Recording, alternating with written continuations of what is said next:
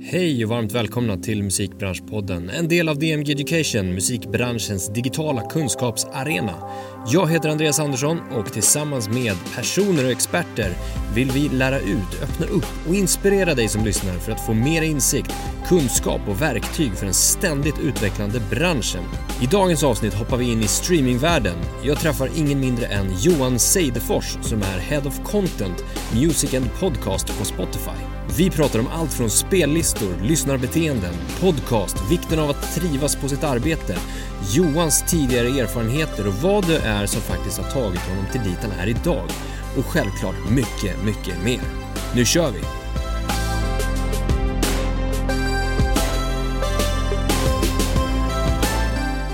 Välkommen till Musikbranschpodden Johan Seidefors. Tack så mycket. Kul att ha dig här. Ja, det är jättekul att vara här. Det är jättekul att få, få vara med i den här podden faktiskt, tycker jag. Så det ska bli roligt.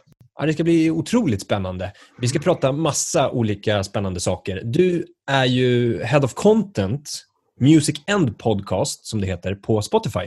Ja, precis. Eh, det är en, eh, en roll som vi skapade när vi började jobba med podcast lite mer målinriktat för ett par år sedan eh, och valde då under Jenny som, som vd för det nordiska bolaget att samla det som vi kallar för innehåll, då, både podcast och musik under, under ett paraply kan man säga. Just och det paraplyet är jag i det här fallet. Ja, alltså det är en otroligt spännande roll, tänker jag mig, med liksom allt som händer idag. Alltså allt som händer med content-klimatet. Det är content, content, content överallt. Eh, eller innehåll, som man säger. Vi konsumerar content i alla olika former av media eh, och, sådär, och speciellt digitalt content, tänker jag mig. Om, du, om vi börjar där någonstans, hur skulle du se på, hur ser du dagens liksom, content-klimat? Hur skulle du beskriva lite det sammanfattat? Ja, det är en stor fråga. Man kan väl säga liksom lite makroperspektiv på det så är det såklart att det går väldigt mycket mot man har pratat tidigare om olika rörelser i det här. Liksom. Men det är klart att det, det, kortformatet dominerar ju nu och det är primärt drivet av TikTok. Liksom den typen av snabbkonsumtion i unga målgrupper av klipp som kommunicerar med sin mottagare på ett mycket, mycket snabbare sätt än vad vi har sett tidigare. Så det är väldigt tydligt. Å andra sidan då så ser vi en, en eh, explosionsartad ökning av lyssnande på till exempel podcast då, som tenderar att vara lite mer långformsinnehåll, eh, lite mer berättande. Även om det är konversationspoddar så är det fortfarande mer tid per användare per tillfälle som spenderas där. Så det är väl de två stora rörelserna man ser. Vi pratar mm. ganska mycket när vi presenterar podcast om att videomarknaden är relativt mättad. Det finns inte jättemånga minuter kvar på ett dygn där man kan fylla med rörlig bild längre. Eh, däremot så ser vi att det finns väldigt många tillfällen under dagen där man kan lyssna på, på saker. Där finns det, tror jag, ett ganska naturligt eh, musiklyssnande, eller uppenbarligen gör det som, som eh, pågår och podcast och kompletterar det på ett ganska bra sätt. Eller har vi sett hittills i alla fall att det blir de tillfällena där man, där man kanske promenerar eller eh, åker buss eller vad man nu gör, där tar man tillfälle i akt att, att kanske lyssna lite mer på talat innehåll då än tidigare. Men om vi tänker oss din roll, eh, vad gör du om dagarna? Frågar mina barn så sitter jag mest och mejlar och, och Precis. Eh, nej, men det, det, det, är ju stort och smått såklart. Eh, jag tycker väldigt mycket om att vara operativ i min roll. Jag tycker väldigt mycket om att jobba i projekt. Eh, så att jag försöker hålla mig ganska nära den delen av verksamheten samtidigt som en stor del av mitt jobb och kanske allt mer framåt handlar om att titta ett, två, tre år framåt och se hur vi ska utvecklas för att positionera oss både organisatoriskt och, och innehållsstrategiskt framåt, eh, fatta rätt beslut för att eh, möta de behov som finns både från, eh, från eh, lyssnare och kanske ännu mer fokuserat framåt från eh, artister och kreatörer. Ja. Så att eh, nu under hösten har vi varit inne i, ett, liksom i slutfasen av ett planeringsarbete som vi har varje år då, som, som handlar i stora drag om, om budget och nästa års strategi. Och parallellt med det så jobbar man lite mer långsiktigt då med att se att vart tar oss den här strategin någonstans och, och vad leder det till lite längre framåt. Eh, samtidigt som då teamen är väldigt fokuserade på att leverera den planen som vi kom överens om året innan. Då, så, att säga. så det är väl lite skillnaden mellan vad jag gör och vad, vad teamen gör. Men när, när, du pratar om teamet, eh, vill du beskriva hur, hur många ja. är ni? Hur jobbar ni? Om vi börjar med musiksidan då så har vi vi har varit inne i en utveckling under två år där vi som egentligen första Spotify-marknad i, i världen skulle jag säga aktivt har jobbat för att, att eh, få ihop teamen. Och när jag pratar om, om teamen inom musik så är det då dels den delen som kallas för Artist and Label Partnership som har till ansvar att vara att möta industrin egentligen. Det är både artister, skivbolag, förlag, managers. Liksom det är våran, eh, traditionellt sett har varit vår kontakt med musikindustrin. Eh, så det är ett antal personer som jobbar tidigare med väldigt tydliga landsansvar men nu allt mer med eh, lite mer fokuserade specialistfunktionsansvar om man säger. Och det är liksom en, en, en förändringsresa i sig hur vi utvecklar det teamet. Så vid sidan av Artisan and Label Partnerships så har vi eh, det som heter editorial idag, det som hette Music Culture and Editorial tidigare. Det finns ju så många förkortningar och så många namn på de här teamen, men det är egentligen våra redaktörer, det vill säga de som ansvarar för spellistorna kan man säga och okay. mm. ytterst användarupplevelsen. Och sen har vi även vår inspelningsstudio då i, i, på det nya kontoret på Regeringsgatan som, eh, som Simon driver där som är som ett eget litet team men som jobbar såklart väldigt tätt med, med de övriga.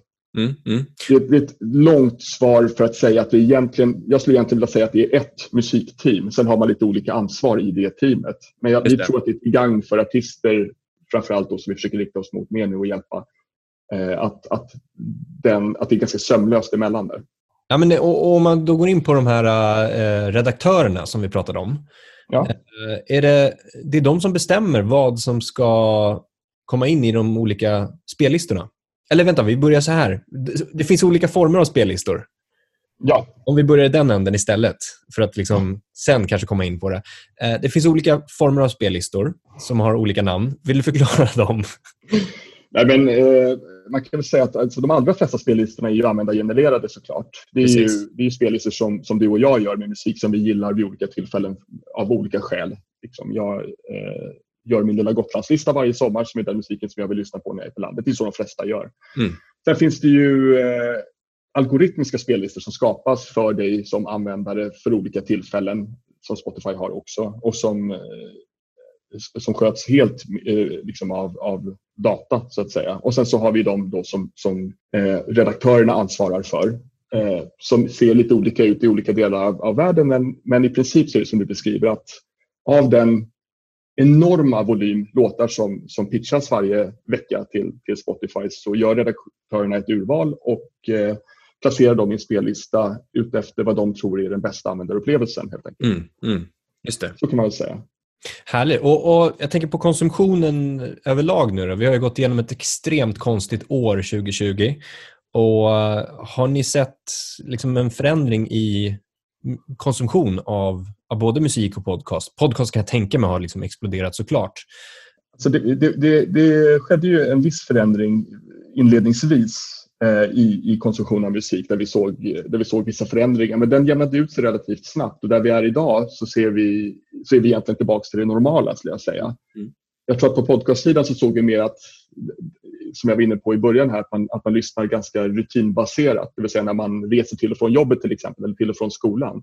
Och när man slutade göra det så bröts rutinerna och då var man tvungen att skaffa nya vanor och det tog lite tid för det att sätta sig. Men generellt sett så, så är vi tillbaka på samma kurva som vi var innan pandemin. Så jag skulle säga att det egentligen inte har förändrats speciellt mycket på, på lång sikt.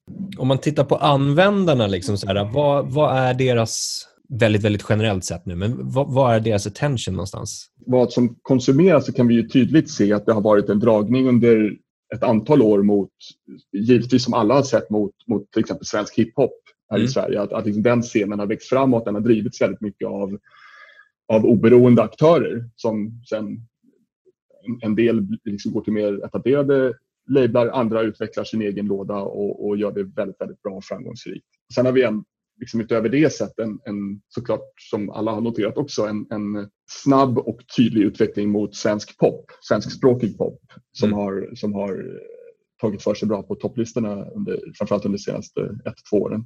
Så det är väl en liten trend i sig som säger någonting om var, var konsumenterna är och vad de väljer att lyssna på. Och, och, och det här liksom balansen mellan podcast och eh, musik nu då? Eh, mm. Alltså musiklyssning, det var, det var liksom grundformatet. Spotify har funnits i över tio år nu. Eh, och Det var liksom grundformatet eh, musik. Eh, ljud i form av podcast ligger väldigt nära såklart. Det är ett ganska naturligt steg känns det som när man, när man ser alltihopa vad som händer. Jag tänker mig, ser, ser ni artister, musikrelaterade liksom, poddar växa också? Att man, man, man som artist, bolag vill, vill ta del av den kakan? det är också en fråga med många svar eh, som kommer ta lite tid att reda ut. Jag tror att så här, det vi har sett igen på lite, lite ur ett makroperspektiv är att så här, ja, podcastkonsumtionen går upp väldigt mycket och det har hittills varit till gagn för musiken, det vill säga de användare som kommer in och lyssnar mer och längre även nu på talat innehåll tenderar också att lyssna mer på musik. Så att mm den, den totala effekten blir väldigt positiv även för, för artistsidan och musiksidan. Eh, sen är det fortfarande så att musiken är oerhört dominerande i vad som konsumeras på Spotify. Alltså så här, den totala, även om, om det känslan ibland blir att podcast exploderar, vilket det faktiskt gör, men det kommer från väldigt låga nivåer så att det är fortfarande inte så att det är liksom 50-50 i vad man konsumerar på Spotify utan det är fortfarande i mångt och mycket musiktjänst i, i konsumenternas ögon eller lyssnarnas öron. Sen så noterar jag också att ibland att man läser intervjuer där man ser att så här, ja, artister vänder sig till podcast för att eh, nå sina fans och sådär. Jag, jag tror inte riktigt att det funkar på det sättet. Jag, jag tror att det är där som är, liksom den stora skillnaden mellan, mellan musik och podcast, kanske ur ett innehållsperspektiv. Jag tror inte att man som artist liksom helt plötsligt ser podcast som ett komplement till musik, att det är ungefär samma sak, för det är inte det. Eh, och vi märker väldigt tydligt att om man gör en podd bara för att man vill kommunicera med sin målgrupp så är det, det är väldigt, väldigt få som kommer undan med det, för det blir oftast inte speciellt bra. De som är bra på att göra podcast har någonting att säga som de är passionerat intresserade av och engagerade av och i 99 procent av fallen även älskar formen podcast.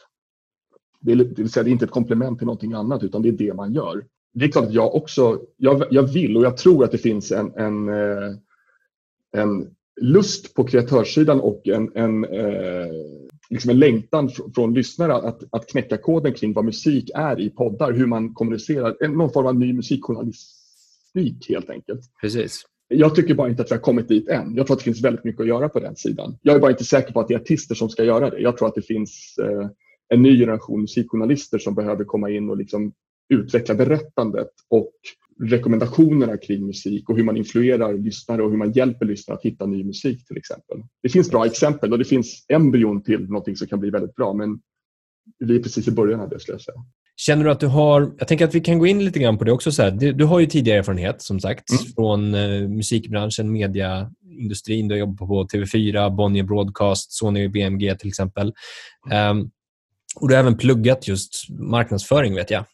Um, vad, om vi börjar med att titta, liksom, vad är det för olika steg som har lett upp till där du är idag? Ser du några sådana avgörande eh, aktiva steg som du har tagit eller avgörande moment som du har tagit? Ja, jag är ganska glad nu sitter inte jag här och summerar min karriär på något sätt, men ändå så här, kanske lite drygt halvvägs in så tycker jag, jag kan vara ganska glad och, och, nöjd med att jag var ganska orädd när jag började, att jag vågade hoppa mellan olika typer av roller, att jag redan från början ville lära mig mycket liksom, om vad som pågick i den här branschen, eller liksom i olika branscher. Att haft möjligheten att jobba med olika typer av bolag i en viss del olika funktioner också har varit, tycker jag har lett upp till en, en, en erfarenhet idag som är väldigt mycket värd. Och sen mm. så har jag alltid varit väldigt intresserad och nyfiken på eh, kommunikation och det som jag tyckte hände när Streaming är ett sånt himla bra exempel på det, när maktskiftet skedde från att Eh, företag och även mediehus broadcastade sin information till att väldigt snabbt eh, konsumtionen skedde på, på lyssnarnas och konsumenternas villkor. Det vill säga om inte du har någonting att säga till mig som, som jag vill ta del av eller som på olika sätt ger mig någonting, då kommer jag välja bort ditt budskap och så kommer jag välja någonting annat. Så har det aldrig varit förut. Eh, och möjligheten att dela musik fritt och möjligheten att, att inte vara låst till en mobil eller till ett operativsystem utan, utan väldigt enkelt och flexibelt kunna, kunna distribuera ut sin musik. Ja, men det talade till mig verkligen. Eh, jag tror att eh, jag har sökt mig aktivt till förändringsbranscher och det kanske är fött lite grann av att, att jag var inne i musikbranschen under den här perioden. Att det var så tydligt för mig som lyssnare att det vi gjorde på skivbolaget inte var rätt. Det vill mm. säga, precis som du var inne på, att alla företag som går igenom den här digitaliseringen som har någonting att försvara hamnar väldigt lätt i den positionen att det är så här, ja men vi ser framtiden, vi vill dit, men vi vill inte släppa den här intäkten vi har. Och det är en omöjlig ekvation. Så här i efterhand så är det, det har ju diskuterats och gått i vågor om man ska om innovation ska ske i ett bolag eller utanför ett bolag för att sedan implementeras. Så jag tror att det finns väldigt, väldigt få exempel på lyckade sådana transformationer. Alltså antingen måste allting falla som det faktiskt gjorde i musikbranschen. Det fanns ingenting att försvara längre för det var ingen som köpte CD-skivor. Eh, så att streaming när det kom, det blev ett, ett sätt att bygga en ekonomi i en bransch som, som eh, var i princip på noll. Mm. Eh, hade, hade det inte varit på det sättet så tror jag att det hade tagit oerhört mycket längre tid. Som i Tyskland till exempel där den fysiska försäljningen har hållit på ja, ända till idag. För att den delen av konsumtionen fortfarande finns. Då tar det mycket, mycket längre tid.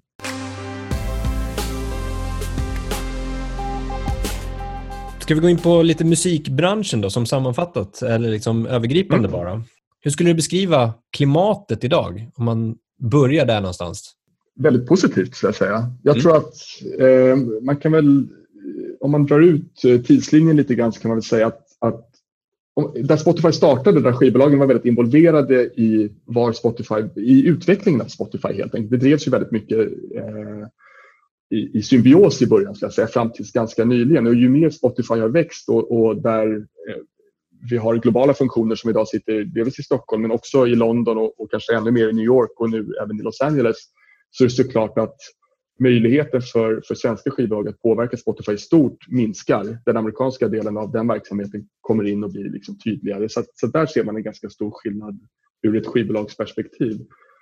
Eh, men tittar man på den kreativa delen så är det, jag tycker att det är otroligt spännande och häftigt att se till exempel den svenska hiphop-scenen växa fram ur i princip ingenting. Bara genom att så här, nu gör inte vi det på det här sättet längre, nu gör vi på ett helt annat sätt. Och egentligen utan, som jag upplever i alla fall, att ha en jättetydlig masterplan för vart, vart det ska ta vägen. Utan mer så som jag upplever att eh, independent filmskapare startar när man liksom kommer ut från, från, eh, från de utbildningarna och liksom börjar göra indiefilmer och liksom få tag på någon skådespelare här. Och man jobbar mer i kompisgäng för att liksom skapa någonting som ska leda till nästa steg, som ska leda till nästa steg. Så ser jag lite grann på den scenen också.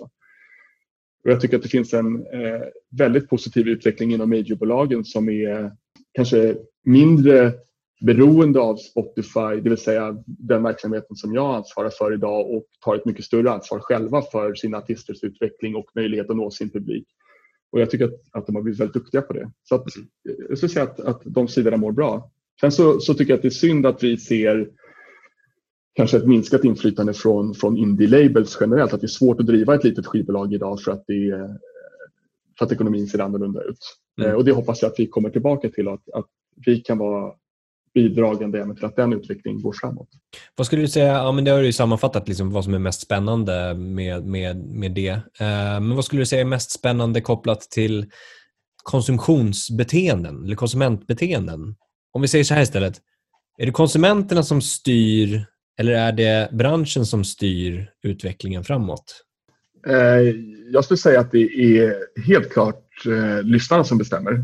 Eh, sen så i, i, i, Sverige då, om vi pratar om Sverige specifikt, så är det så här, mognadsgraden nu, de flesta användare som Spotify har har ju haft Spotify så länge så att liksom, grundbeteendet har liksom satt sig. Är man eh, en 50 årig person idag som är måttligt intresserad av musik, ja men då har man Spotify som bakgrundsmusik och man har det lite grann när man har middagar, man kanske har det till sina olika tillfällen under dagen. Och är man en, en, en 15, 16, 17-årig kille eller tjej idag som, kommer, som, som växer upp och har liksom, artister som man ser upp till och är ett fan till dem så lyssnar man på ett helt annat sätt såklart.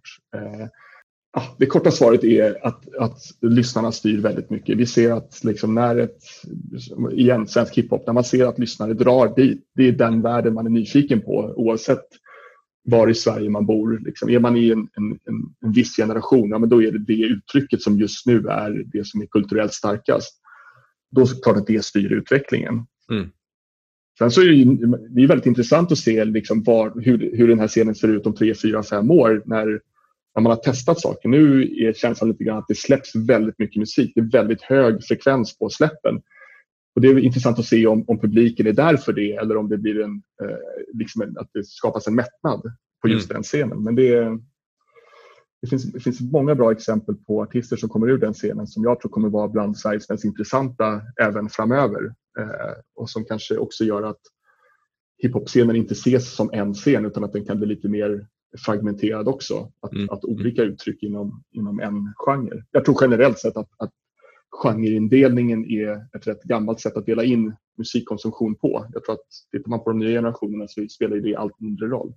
Kopplat till, eh, liksom, som du säger, musiksläpp. Det släpps ju otroligt mycket musik.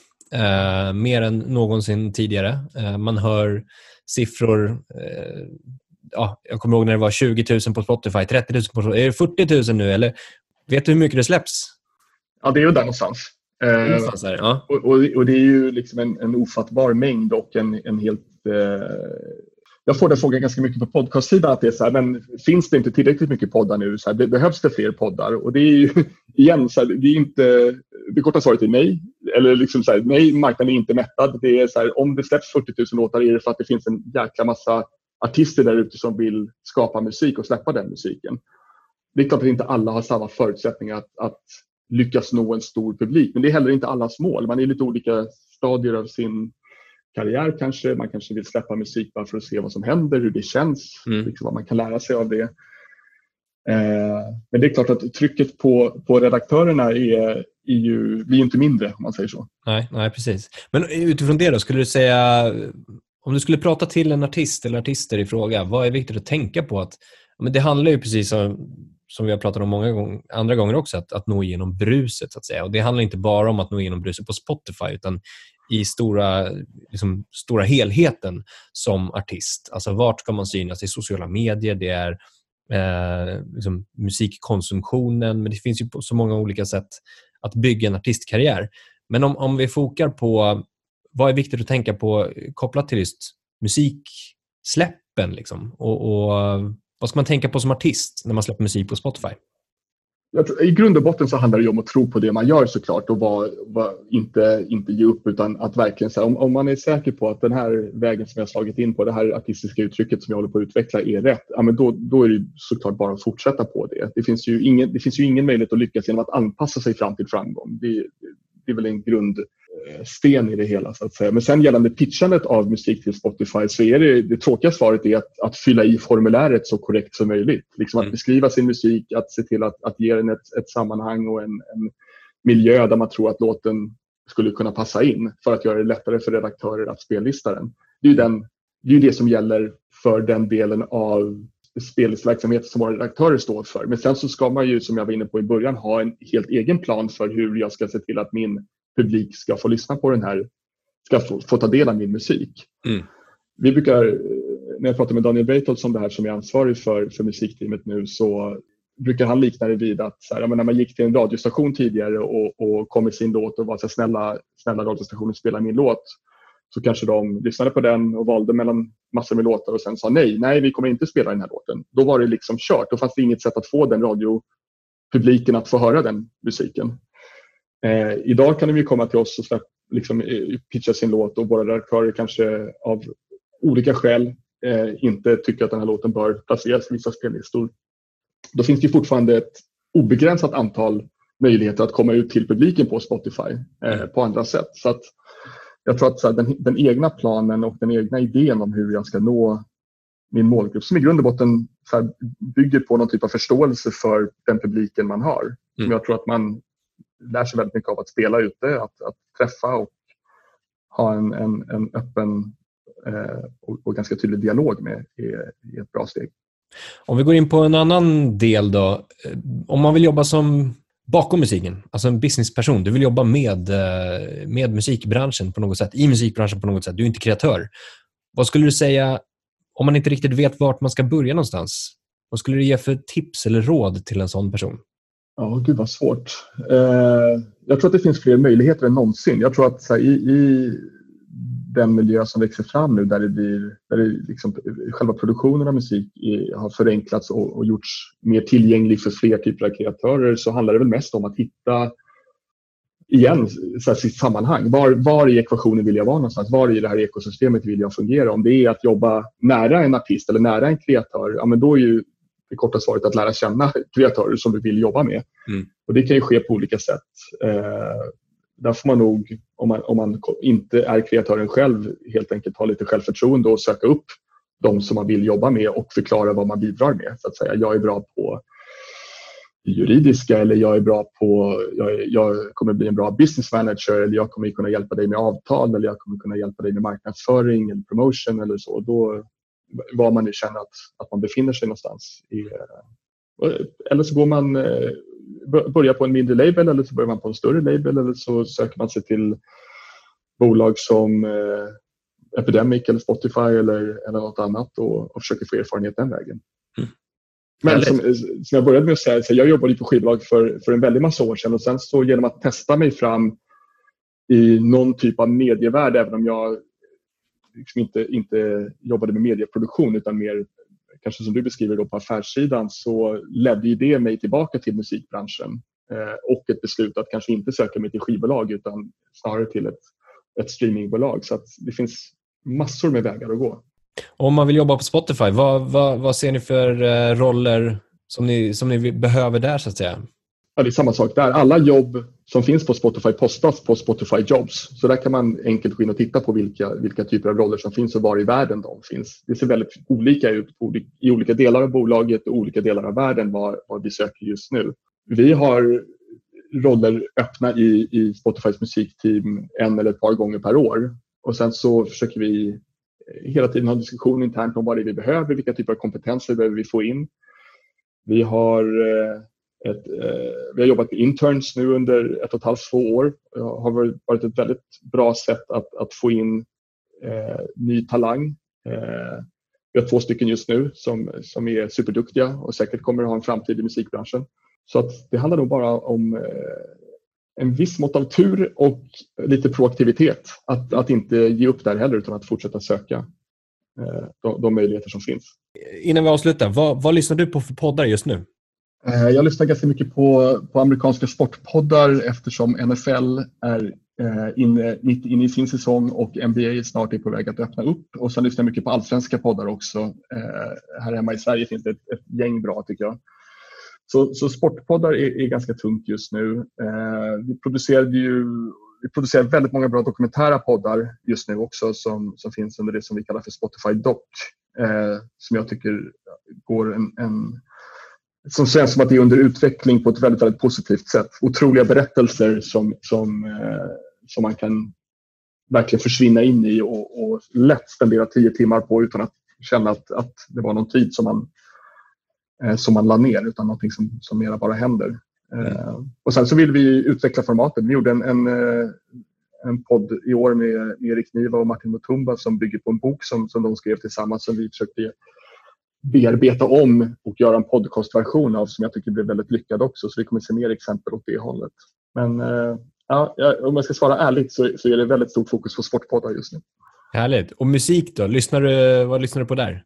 Eh, jag är väldigt eklektisk där. Jag har, jag har haft olika favoritgenrer genom åren men nu är jag mer i ett läge där jag nyfiket lyssnar på, på väldigt mycket ny musik för att se lite grann åt, åt vilket håll den är på väg. Sen har jag såklart mina favoriter som jag återvänder till. Eh, både spellistor som jag själv har gjort och, och artister som jag tycker om att lyssna på som, är, som kan vara väldigt olika beroende på, på situationen. Så här, jag, jag förstår om man efter ett tag i, i liksom sitt musiklyssnande väljer att inte hela tiden söka det nya och det tycker inte jag att det finns något behov att göra när man kommer upp i åldrarna heller. Man vet ungefär vad man gillar och det finns en, en jättebra känsla i det att eh, återvända till sånt som man vet att man tycker om och, och, de känslor som skapas i det. Jag tycker att jag söker själv någon typ av mix i det där att jag vill eh, eh jag är nyfiken på vad som kommer ut och jag är nyfiken på jag tycker en artist som Yasin till exempel gör fantastiska saker just nu. Jag tror att han kommer bli en av våra största svenska artister på, på sikt. Eh, nu har han hittills varit liksom inklassificerad i, i svensk hiphop, eh, lite slarvigt uttryckt, men jag tycker att hans artistiska uttryck är på en, på en helt egen nivå just nu. Så det ska bli väldigt, väldigt spännande att se vad det tar vägen. Johan, stort tack. Jättetrevligt samtal. Ja, verkligen. Tack för att jag fick, fick vara med. Tack för att du har lyssnat på podden som produceras och genomförs av oss på DMG Education, Sveriges ledande utbildningsarena inom musikbranschen. Om du gillar det vi gör, se till att gilla, lämna en kommentar i någon av våra sociala medier, DMG Education. Ta hand om er därute så ses vi igen nästa avsnitt.